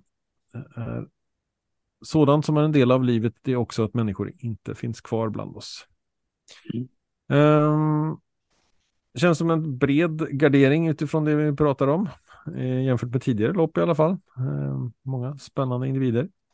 Ja, Global Delayed kommer ut igen. Han var väl favorit eh, för, förra, vad blir det? förra veckan. Förra Mm eh, från bakspår för att se vad, vad den kan göra. Here's Johnny Sox eh, var väl också ute i eh, samma lopp.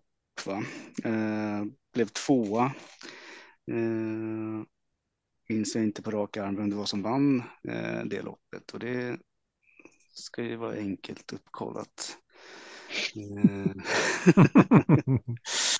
Eh, Game on Butcher. Game on Butcher, ja. Det var det loppet. Eh, exakt. Så att, um, och Belgique var med i det loppet också. Ja. Det, Massin. Ja, det är många. Det är en eh, retur, returmatch för många. Mm, potentiell helgardering är väl spontana känslan så här, apropå spontanitet. Um, vi stänger avdelning 4, går Ja. till V75 5 och öppnar den listan för då hittar vi ett 1640 meter långt autostartslopp i bronsdivisionen. Försök inför annandag jul. 12 hästar på kort distans. Är du redo Oskar? Jajamän. Bra, då kör vi. 1. Star of Peanut. The Royalty for Life. 2. Danao Deglidey. The Mago di Amore. 3. Farfars Dream. The Maradja. 4. Kim BR. Också Maradja. 5. Forever Shadow. Orlando Vici. 6. Henrik Will. Great Challenger. 7. Combat Fighter. The From Above. 8. Purple Rain. Fast Photo. Och på bakspår hittar vi 9. The Baron. Dream Vacation. 10. Franco, Frankie Godiva. The Ridley Express. 11. Special Top Secret. Mr Pine Chip. Och 12. Special Top Model. The Maradja. 12 hästar i bronsdivisionen. Topp 5. Topp 7. V75 5. Topp 7. Vad säger du Marco? Du Ja, får starta nej. igen.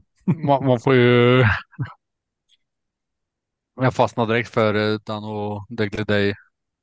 Eh, Så tvåan blev det första streck. Men jag, jag tycker att man ska plugga på det loppet riktigt mycket. Alltså. Eh, Kollade snabbt bara och det, det finns mycket bra motstånd. Mm.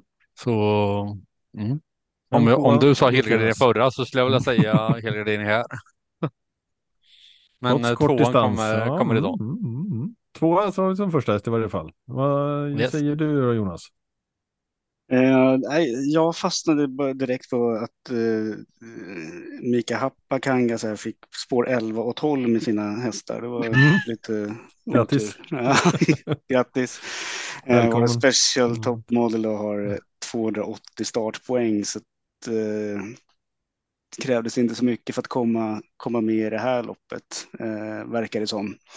Ehm, ja du, jag kände också lite grann eh, Danao, Daily Day såklart, eh, fastnade jag lite på, men jag tänker, ah, det är ju några här som, som kommer från eh, Vi har Purple Rain nummer åtta från Tyskland som kommer med eh, några segrar i raden. Henrik Will kommer från Danmark.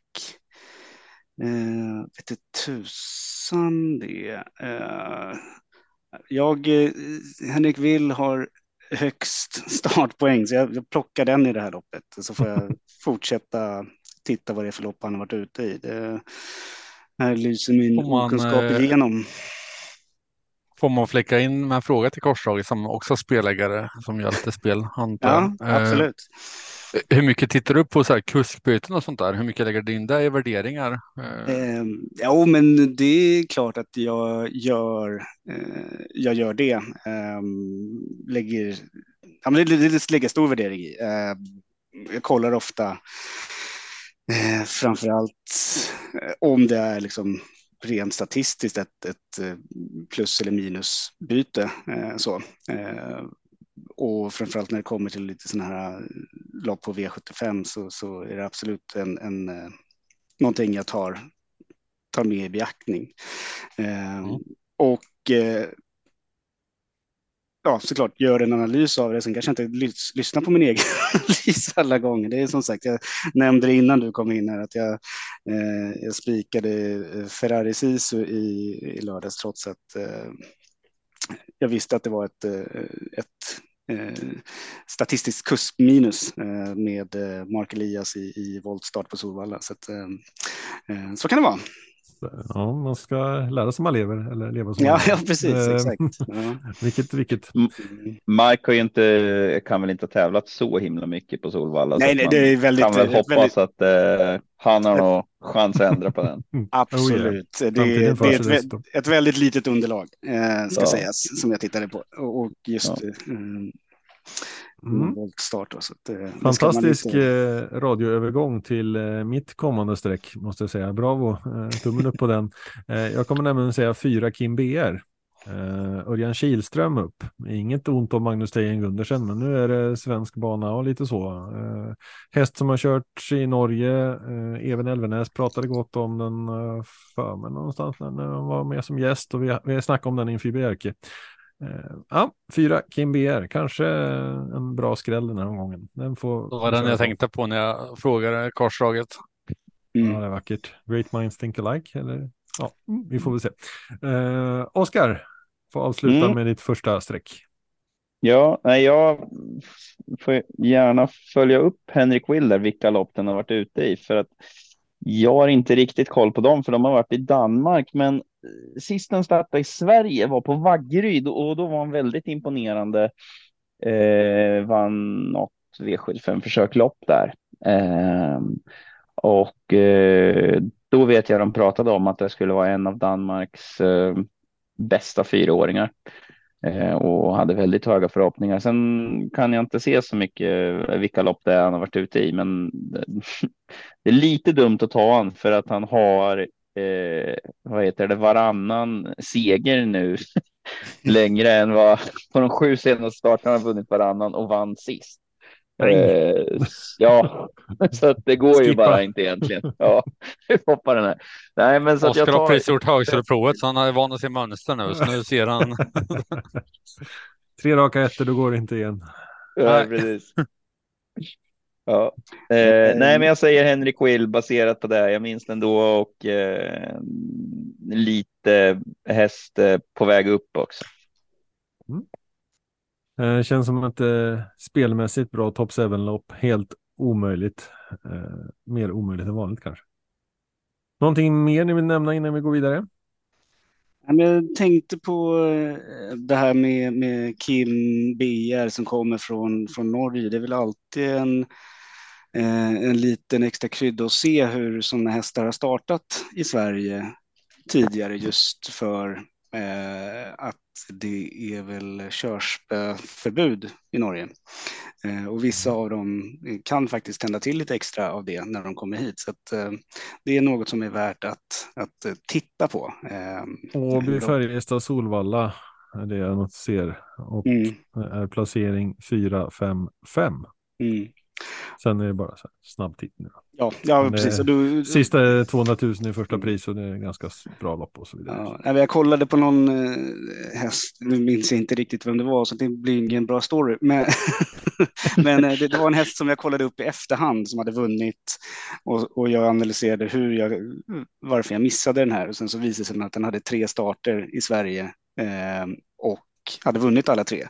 Medan mm. den då på norsk mark inte alls hade eh, samma eh, lysande resultat. Så att, eh, det är något man kan, man kan ta med sig och, och titta på tycker jag. Absolut. Bra inspel. Vi går till V75 6, dagens dubbel 1. Och vi landar i diamantstoet. Ett försök inför final Solvalla 26 december. Ett till. Jajamän, och en helt annan form. Ja. Eh, det här var 2140 autostart i första avdelningen och nu kommer vi alltså till 2140 voltstart. Eh, och tillägg 20 meter på 6, 7, 8, 9, 9 hästar. Ja, precis. Är du redo Tillägget? Är vid, ja, precis. Tillägget är vid 320 så är det högst 800. Så det är de två klasserna under förra diamantstort kan man säga. Mm. Vi har sex hästar som startar på startdistansen 2140 meter och då har vi ett Majors Rose, Quite easy. två Be Brighter Zone, Maradja. tre Uberti Face, Jokeface. fyra Kings Witch, Nuncio. fem He Miss Deha, Efter Prins Lorme. Jag har aldrig hört talas om. Ja. den får du snurra ner, snöa in på. Prins Long. Tror den är fransk. Ja. Sex Corona Park. Anke Lasse. Det var startdistansens sex hästar. På tillägg 20 meter hittar vi från spår 1 nummer 7 Tasherit, Maradja. 8 Sangria Pellini, Chocolatier. 9 Jurista, Ready Cash. 10 Shapiro Queen, Shapiro Queen Maradja. 11 Jane Hall. En snapshot. Från springspår på tillägg 12 Rosemary Tile Ready Cash. och 13 Golden Opportunity. One too many. Och sist där bakom i eh, ja, motsvarande då spår 1 på allra längst bak. 14 Daytona Rock Eh, Philip Rock. Och 15 Bicana Wine. Propulsion. Ja, det är spår 8 hon har alltså, så att ingen tror Ja, att det var eh, Precis, dubbla men- tillägg där. Helt rätt. Eh, spår närmast eh, innerplan kan vi säga. Eh, då får du inleda där Oskar. Vad har du att bjuda på i tipsväg spontant? Oj. Mm. Nej, men vi... Ja du, det var eh, svårt. Eh, Ja, Eh, nej, men vi har ju en storchampionatsfinalist som aldrig har vunnit och som jag också tror har tränats av Daniel Wäjersten och byter till eh, Marcus Schön nu. Eh, jag vet inte om det är, eh, ja, aldrig vunnit som sagt, men vi kör på den ändå. Jurista, nummer nio. Starkt argument. Den har aldrig vunnit, därför tar jag den. Mm. Men storchampionatsfinalist, det brukar Jajamän. ändå, Det är bättre argument. ja. Eh, säger lite om klass. Eh, Marco, Fem starter, fyra segrar. nu försvann det ljudmässigt där. Han sa Tasherit i alla fall, tror jag. Ja, Tasherit. Jag är inne på samma spår som Oskar. Jag går också på de som inte vinner så ofta. Ja, det är ju... Tre rätt, en, eh, tre rätt, en travpodd med Marco och Oskar. Det, det finns ju många att nämna här alltså, men eh, man får ju bara säga en. Så. Jo. Det kommer inte vara en spik på lördag. Nej. Nej, det, ja. det är lite förvånande att Tasherit ändå är seglös i år tycker jag. Det känns som att den alltid är med i snacket och, och, eh, och så, men, men lyckas inte riktigt nå hela vägen fram. Ja, det är två, tre, fyra, femma liksom. Ja. Eh, nej, men jag fastnar väl främst här på eh, Bicana Wine. Eh, den hade jag eh, sist tror jag den var ute eh, på, på Jägers. Jag hade en spår 9 utan att stå på eh, tillägg. Eh, så frågan är om, om det blir lite för många hästar att runda här igen. Eh, och till skillnad från er andra som gillar noll i segerkolumnen så ser jag en häst som heter Sangria Pellini som har fyra segrar i kolumnen. Eh, så att, Hur många på V75 då? ja, det är lite oklart. Den verkar ha varit i, i, i vad kan det vara, Tyskland och, och vet inte. Ja, så att ehm, det, det skulle ju kunna vara, den startar på Jägersro här i något lopp. Det får jag kolla Ja, upp. Det var- V86 har den två, två segrar på. Mm. Ja, men så att eh, åtta Sangria Pellini, vi gillar ju hästar som vinner. Kommer väl Jag, jag, får, jag, jag måste säga där att jag, jag har ju hållit på och fibblat lite med mina, de här nya startlistorna och jag hade tydligen bytt ut eh, livstidsstarter där mot eh, Årets startar. eh, årets starter. Så att det visade sig att Det var lite hon väl vann ju faktiskt fem av, vann fem av tio förra året. Så Jurista har vunnit några race faktiskt. ja, jag, jag såg, såg, faktiskt det själv också, men tänkte hmm, missade jag att du sa i år? Men... eh, Nej, jag tror att jag sa någonsin faktiskt. Ja. um, apropå vinster då, eh, då går jag på en häst som har vunnit två av sina fyra senaste lopp och det är 12 Rosemary Tile som kommer på springspår på tillägget här då. Örjan får... Blir det en favorit Bobbe? Tveksamt. Jag tror den kan bli mycket spelad, men jag vet inte om den blir favorit. Nej, jag försöker titta på vilken jag tror blir favorit, Mm, men det är mm. svårt. Jag tror att Rosemary Tile har en bra chans att, att bli sträckad i alla fall. Mm. Ja, precis. Ja, det kan mycket väl, väl vara så.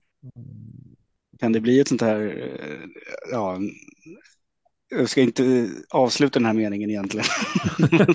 Men eh, det är en, det är en så, så öppen dörr eh, och så lätt att ha fel. Men det känns ju också som att det är ett lopp som det kan bli en, en, eh, en väldigt lågt spelad favorit i. Va?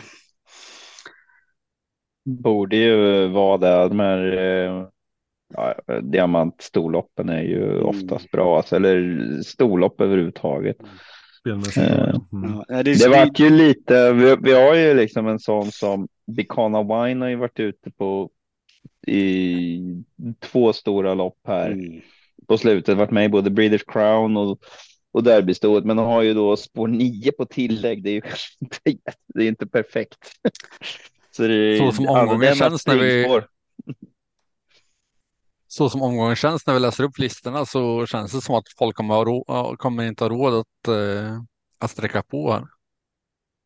Jag tror att det kommer bli två, tre hästar som blir betrodda och sen kommer resten vara Ja, det är klart, det är nog 25%. många. Hade det varit V75 1 så hade det ju säkert varit eh, bredare gardering såklart. Nu, nu är det ju många som kommer dit och ja, inte har så många streck kvar, men det är, man ska nog spara ett gäng med streck till den avdelningen. Sista två veckorna när jag, när jag byggt andelsspelen så har jag börjat i avdelning sju och gått bakåt istället. Det, Mm. det funkar för förra veckan, men inte den här veckan. Spännande. Eh, En eh, som jag eh, satt och kikade lite på framspårshästarna här, eller startdistanshästarna och landade lite på Surprise Urberg i voltstart, eh, fyra King Switch. Eh, Plats hur många gånger i rad som helst. En, två, tre, Ja, fem, och en sex, seger sju, i ett lopp med nio. 100 000 i första pris sist, men det var 30 september. Men Mm, Om jag inte men, minns fel så brukar- Så vet jag inte varför. Mm. Urbergs hästar tror jag brukar gå eh, rätt så bra efter, efter Ja. vilan då. Bra platsspel kanske, om inte annat. Ett sånt här lopp. Sangria Pellinis rad är väl också fin. Etta, etta, diskad, etta, fyra. Mm. Ja, Ja, Vi eh, stänger avdelning 6 och öppnar avdelning 7 som är den Ja, tack. sista för den här gången. Åby 2640 meter. Härligt namn på det här loppet. Smålandsgran. Känns lite speciellt med silverdivisionen på Åby. Eh, Men okej, det är ett... eh, Små. Smålandsgran lär väl vara helt enkelt eh, en sponsor. Ja, precis. Men den var lite, kändes lite roligt placerad. Men nu har de ju fått exponering i nationell snedstreck internationell poddvärld. Så- se vad Söndagspodden heter nästa vecka. Jajamän. Smålandsgranspodden. var inte Smålandsgran Ja, ute i något nå trubbel här för några år sedan? Men det, ja, vi ska låta det vara Smålandsgran. Ja, Nej, det är absolut-. Jajamän. Nöjd kundpolicy. Kör på om, va? eh, Ja, det är gött. Ja. Eh, vi har i alla fall ett silverdivisionsförsök inför finaler Solvalla 26 december. Ehm, kan jag undra om vinnaren skulle kunna få en julgran eller något, men det står ingenting i loppinformationen. Ehm, är du redo Oskar? ja, men, Vi har alltså 12 hästar bakom en startbil och då har vi ett Starbex A to Z, Turbosund, två Bottnas Idol, Idol, Gangori, tre Gerben, Russell November, fyra Versace Face, Jokeface, fem Innovation Love, Love You, sex Even Steven, Varen, sju Major Ass, Varen igen, åtta Dominic Wibb, Bold Eagle, Från bakspår 9. Lorenz Flevo. SJ's Caviar. 10. Ad hoc. Efter Yankee Glide. 11. Corazon Bar. Oroporo Bar. 12. Gaylord Am. Muscle Hill. Får, man döpa hästar till, till vad som helst, Oskar? Eller finns det några regler? Alltså, Nej, det, det, finns, Nej. eh, det finns regler. Man, de släpper inte igenom vad som helst, men ibland så har de ju missat det. Som det var väl någon som hette Golden Shower eller någonting sånt där. Va? Ron Jeremy. Eh, Ron Jeremy. Ja, fast vad fan. Ja, det är bara en porrskådis. Liksom. Det kan man ju Ja, tycka jo. att det är okej ändå. Eh, jag tyckte ju att Sugar Gum tyckte jag var kul för att jag tycker jag kallade alltid den för Sugargun. Jag tyckte det var roligt. Eh, Ja, eh, vi håller oss ifrån de diskussionerna allt för mycket jag. Eh, och sen, sen har jag för mig att jag såg någon sändning där man skulle säga skärven, inte gerben. Jag kan ha fel. det jo, jag har också för mig eh, att de diskuterar det. här. medlem- Fick rätt. Vilken eh, Mm. nationalitet och språk man håller sig till. Eh, om man är som jag är eh, hockeymänniska så eh, fanns det någon, någon form av teori Martin kring att det Gerber. fanns någon form av koppling till Gerber, den där gamla Färjestadmålvakten. Den här är en eh, tysk. eh, känns som, och för sig Krebas ja, då ska du vara G, men- Gerben. Uh, ja, jo, ja, ja, skitsamma. Eh, Får heta vad man vill. Eh, Ja. Jonas får äran att inleda. ja, um, jag eh, fastnade väl direkt för Even Steven. Uh, vann väl sist den var i Sverige på uh, V75, uh, då över lång distans, ett halvvarv längre. Ehm, så att, eh, ja, jag tror att han tar dem igen här. Mm. Jag har eh, också Even Steven som min första häst, nummer sex. Oskar, Ja, det var ju inte helt lätt det här. Ehm, men jag tänker nog att, uh, vad heter det, Preben Sövik har uh, snurr på grejerna igen och får runt Bottnas idol för en. Han kan ju vara ruggigt stark och borde vara distansgynnad.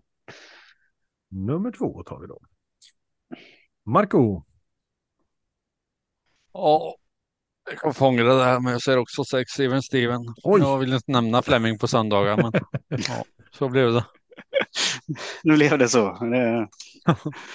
Ja, sen den är ju intressant hur den går eh, med skor. Det är väl också något man får titta på. Eh, å andra sidan är det inte så många som... det är svårt att se också. Ja, men när man kollar lite motståndet lite snabbt så känns det som att den, eh, den kommer bli favorit. Mm, Mm. Jo, men det är väl så här, avdelning 7 favorit blir kanske lite för stor mm, streckprocent på den. mm. Ja, Ja, jag garderar gärna Fleming så det hör ingenting. Ja, Versace Face skulle ha gjort sin sista start i silver sist, men då galopperade han väl bort sig. Så att, Mm. Få en ny, en ny sista chans i silver innan. eh, så den står ju, den står ju riktigt, riktigt bra inne i, loppet. Mm. Eh, Redén också. Jag undrar om inte den blir favoriten då för Even Steven. Så. Jag, säger inte att det är rätt favorit, men Nej. känns som Dominic en sån man kan. Eh, känns som en häst som kan skrälla. va? Ja, den Ja, vann men- ju en V7-final med, Med Dante. till Mm. 70 gånger pengarna, men nu Med är det fel kusk. Adrian som kör. Ja, precis. Dante Mm. fick inte köra med. Ja, tufft läge med spår 8. Så, mm.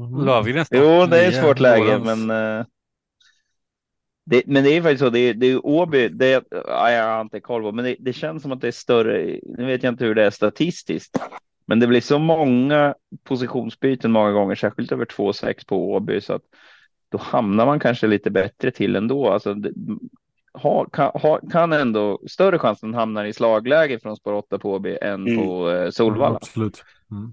Ehm, Den får man ju kolla skor på också i sammanhanget. Det har varit väldigt mycket barfota i år. Eh, Så, Carl Ginis gillar ju att köra med skor så de borde ju ha koll på läget rent generellt alltså. Mm.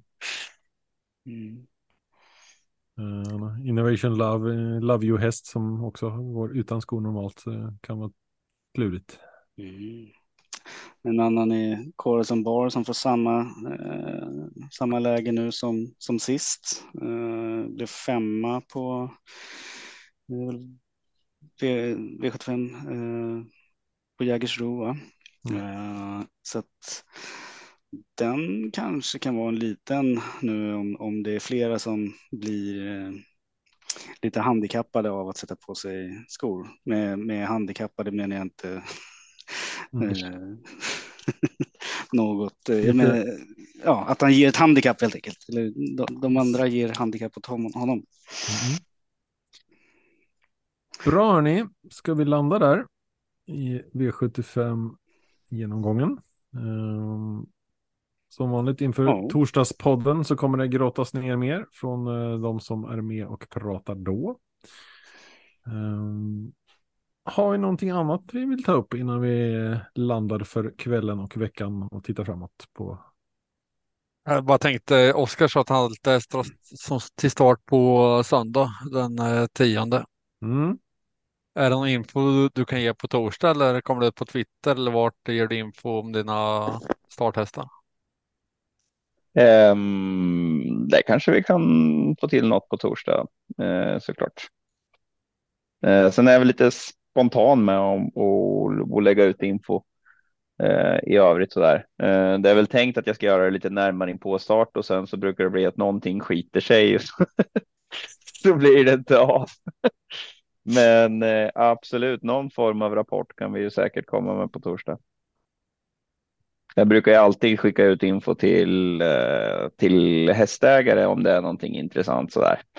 där. men får bli lite bättre på att uppdatera så sådär annars också. Men absolut så ska vi väl försöka få med någonting på, på torsdag. Jag hade till och med en fundering på om vi skulle göra någon Mantorps special när vi har GS, GS75 ändå, men det, ja, det får vi se om vi orkar med. Mm. Bra, men då påminner vi återigen. Kika in på hemsidan sjuratpodden.se. Där hittar du lite olika typer av information och eh, länkar. Eh, inte minst då kontaktuppgifter om ni vill fråga någonting kring eh, hästskötare och den rollen och sådär inför eventuella kommande diskussioner i framtida poddar. Mm. Och glöm så... inte att registrera era spikrader. Jajamän, jag har min mm. redo. Jag ska in och klistra in min lilla rad här eh, på X om en liten stund under eh, spontana spikraden. Härligt. Och Svanberg finns på hitta.se med för de som inte gillar sms eller mejl. Man lite slå en pling. Och den som vill bli granne med Oskar har också möjlighet. Eh, Sjögestam hotell var till salu såg jag. Ja, just det. Mm. Det ett ruggigt ta, Får ta det med Oskar. Ja, jag hoppas verkligen att det är någon, eh, någon bra ny ägare där som fortsätter ha så fantastiskt bra mat som de har där. Det är ett, ett av de bästa ställena att luncha på i, i Östergötland. Så det hade varit ruggigt tragiskt om, om eh, lunchstället som är 300 meter ifrån mig, om det skulle lägga ner.